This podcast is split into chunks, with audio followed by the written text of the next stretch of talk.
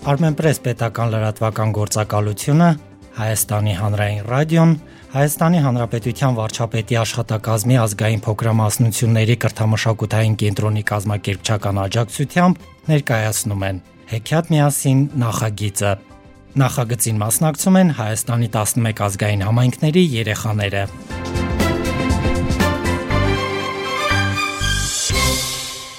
Գերմանական հեքիաթ Բրեմենյան երաժիշտները ներկայացնում է Հայաստանի գերմանական համայնքի փոքրիկ ներկայացուցիչ Կարինե Ասատրյանը։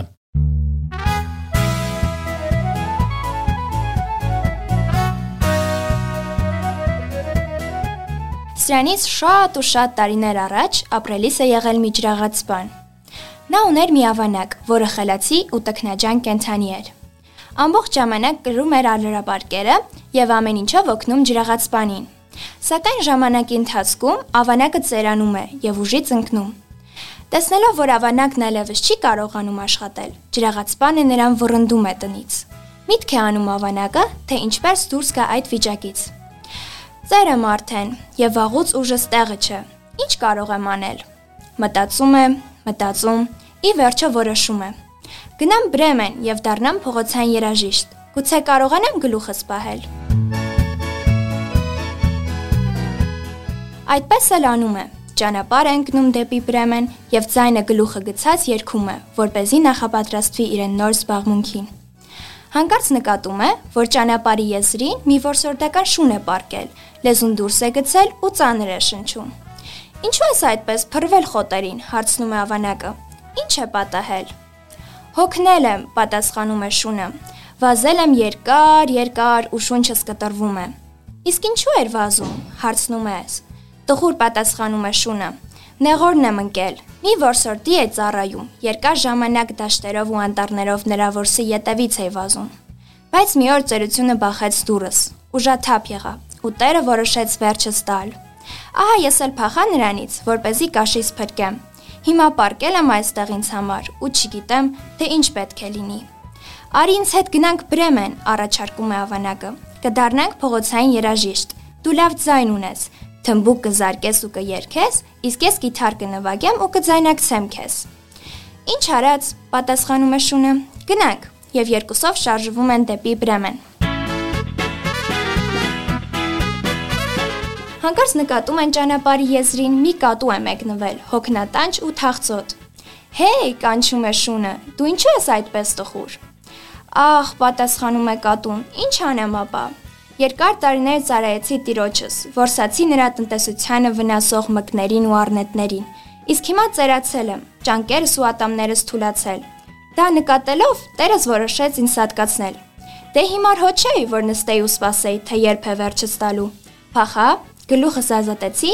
բայց չգիտեմ թե հիմա ինչ անեմ։ Ինչ կերպ սնունդ հայթայթեմ, որ เป զի գլուխս պահեմ։ Դժբախտ եմ ես, դժբախտ ու անակնական։ Ինչպես տխուր չլինեմ։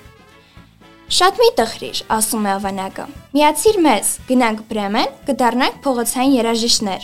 Շոնը թմբուկը զարկի ու կերքի, իսկ ես ու դու կձայնակցենք։ Ես գիտար կնվագեմ, իսկ դու չութակ։ Ինչ կասես։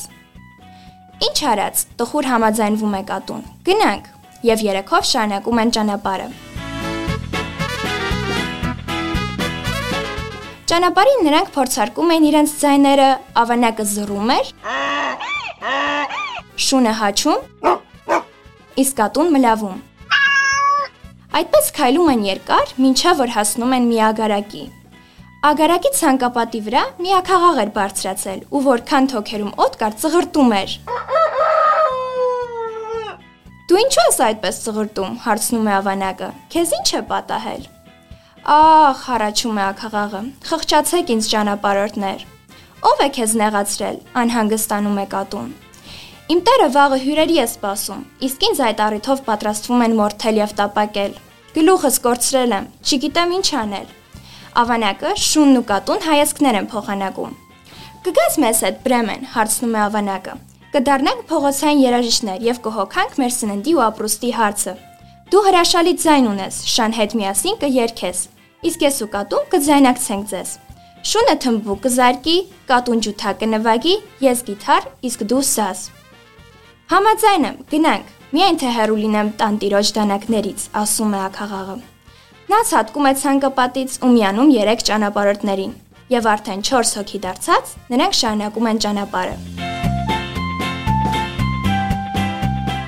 Որպեսի նախապատրաստվեն իրենց նոր զբաղմունքին, քայլելիս ավանակը բարձր զռում է, շունը հաչում ու կախկանձում, կատուն մլավում, իսկ ակաղաղը մի գլուխ ծղրտում։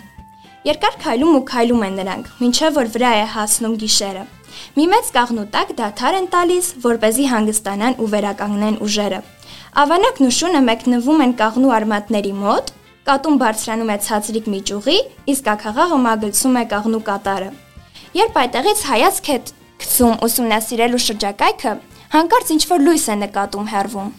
Հեյ, ձայնում է ակաղաղ ընկերներին։ Այդտեղ լույս է երևում։ Պետք է ողրել թե ինչ լույս է, ասում է ավանակը։ Հուսա մոտակայքում տնակ է լինի։ Եթե տնակ լինի, ուրեմն հաստատ միս էլ կլինի այնտեղ, ասում է շունը։ Ես հաճույքով մի կտոր միս կուտեմ։ Կաթ էլ կարող է լինել, ասում է կատուն։ Ես էլ հաճույքով կաթ կխմեմ։ Իսկ ես ծորեն, ասում է ակաղաղը, եթե իհարկե այդ տանը ծորեն լինի։ Եվ նրանք սրտապնդված ուղևորվում են փնտրելու երևացող լույսը։ Շուտով դուրս են գալիս մի բացատ, իսկ բացատում ցածրիկ մի տնակ էր կանգնած։ Պատուհանից լույս էր հորդում եւ տարածվում շուրջ բոլորը։ Հենց այդ լույսն էլ կաղնու կատարից նկատել էր ակաղաղը։ Ավանակը մոտենում է պատուհանին ու նայում ներս։ Ինչ ես տեսնում, հարցնում է ակաղաղը։ Տեսնում եմ ավազակների, պատասխանում ավանակը, որոնք նստել են սեղանի շուրջ, ուտում ու խմում են։ Ինչպես եմ ուզում խմել, շուրթերը լիզելով շշնջում է կատուն։ Իսկ ավազակներին ինչպես դուրս վրընդենք այդտեղից, մտահոգ հարցնում է ակաղաղը։ Ընկերները միտք են անում, միտք են անում ու ելքը գտնում։ Ավանակը ոտքերի վրա ձիգ կանգնում է գետնին, շունը բարձրանում է նրա մեջքին, կատուն շան մեջքին, իսկ ակաղաղը կատվի։ Այդպես նրանք դիրքավորվում են եւ ակաղաղի նշանով սկսում բարձրաձայն աղաղակել։ Ավանակը զռում է, շունը հաչում, կատուն մլավում, իսկ ակաղաղը ծղրտում։ Հետո կրկին ագաղաղի նշանով պատուհանից թավագլոր ներս են խոյանում, սարսափահար անելով ավազակներին։ Սրանք լեղաճակ դուրս են թռչում տնագից եւ անհետանում անտառում։ Իսկ 4 ընկերները շարունակում են ավազակների կիսատ թողած խնջույքը։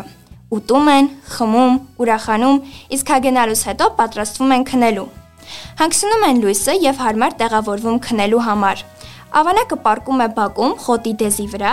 շունը դրան կողքին, կատուն վառարանի վրա, իսկ ակաղաղը բարձրանում է տան կտուրը։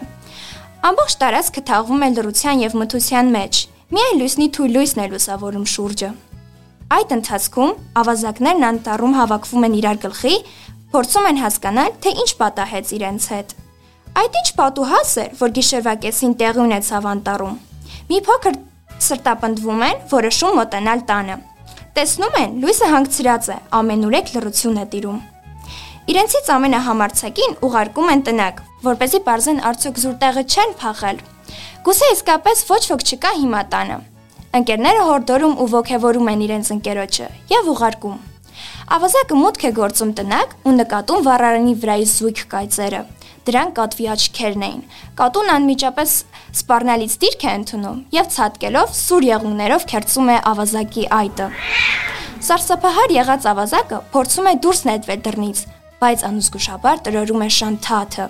Գազազատ շունը հարվածում է նրան եւ կծում ոդկը։ Ավազակն աղաղակ է բարձրացնում։ Մի կերպ հայտնվում բակում, ուր միակացի էլ ստանում է ավանակից։ Այս աղմուկին միանում է նաև ակաղաղը, որը կտուրից ծղրտում է։ Ավազակը հազիվ է ճողապրում դեպի անտառ։ Իսկ այնտեղ նրան էին սպասում իրարանցման ողջ աղմուկ աղաղակը լսած ընկերները։ Մինչև ավազակի հայտնվելը նրանք արդեն հասցրել էին կրկին սարսափահար լինել։ Այնտեղ հսկաներ էին, պատմում է միջադեպից հազիվ գլուխն ազատած ավազակը։ Ամբողջ տունը նրանցով է լցված։ Բղավում են ու հարվածում, մարմնից վեր, մարմնից վրա առողջ տեղ չի մնացել։ Փախչենք ընկերներ, քանի ողջ ենք դեռ։ Այս լսելով ավազակները նետվում են տարբեր ուղություններ եւ փախչում անտառից։ Դրանից հետո այլևս ոչ ոք չի տեսել նրանց այդ կողմերում։ Իսկ տնակը եւ ավազակների գույքը բաժին է հասնում ընկերներին, որոնք որոշել էին գնալ Բրեմեն եւ դառնալ փողոցային երաժիշտներ։ Նրանք մնում են ապրել ու բացատում եւ այլևս չեն տրտնջում ծերությունից, ու անարդար տերերից։